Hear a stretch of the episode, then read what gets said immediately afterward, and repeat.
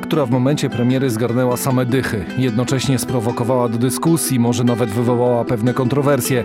Nasz redakcyjny kolega Jarek Gowin pisał w recenzji: Nie jestem pewien, czy ta gra akurat ma sprawiać jedynie przyjemność. Być może ma oburzać, może nieco szokować, skłonić do refleksji, niekiedy wstrząsnąć odbiorcą. Koniec cytatu.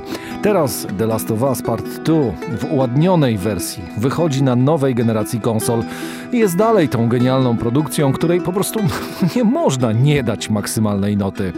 Obiecałem sobie, że to będzie recenzja, którą zamknę w czterech akapitach, no bo mówmy się, specem od technologiczno-graficznych bajerów nie jestem. Gdy gram, nie przeszkadza mi nawet jakaś, bo ja wiem, postrzępiona tekstura czy cokolwiek tego typu.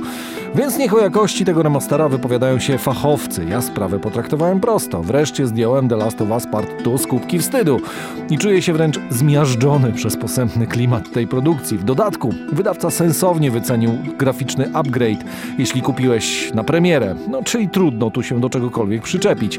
W dodatku fan uniwersum dostał świetny tryb bez powrotu. To taka zabawa w przetrwanie na planszy. Mamy do wyboru bohatera, możemy określić nawet poszczególne parametry misji, zmierzyć się z wyzwaniami sieciowymi, a że mechanika walki w The Last of Us Part 2 jest świetna, no to jej miłośnicy mogą spędzić dziesiątki godzin i w tym trybie bez powrotu się nie nudzić.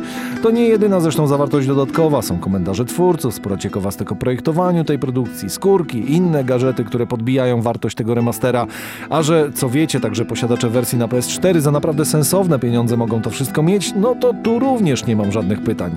Reasumując, dostajecie najlepszą wersję znakomitej gry. Można oczywiście dzielić włos na czworo, zastanawiając się, czy w kwestii ładnienia nie dało się zrobić więcej.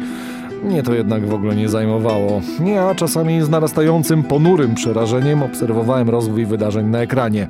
Rozumiem już skąd wzięły się te dyskusje, co nie zmienia faktu, że The Last of Us Part 2 to gra wybitna, ze świetną filmową historią i niezwykle angażującą rozgrywką, co tylko podkreślił wspomniany tryb bez powrotu.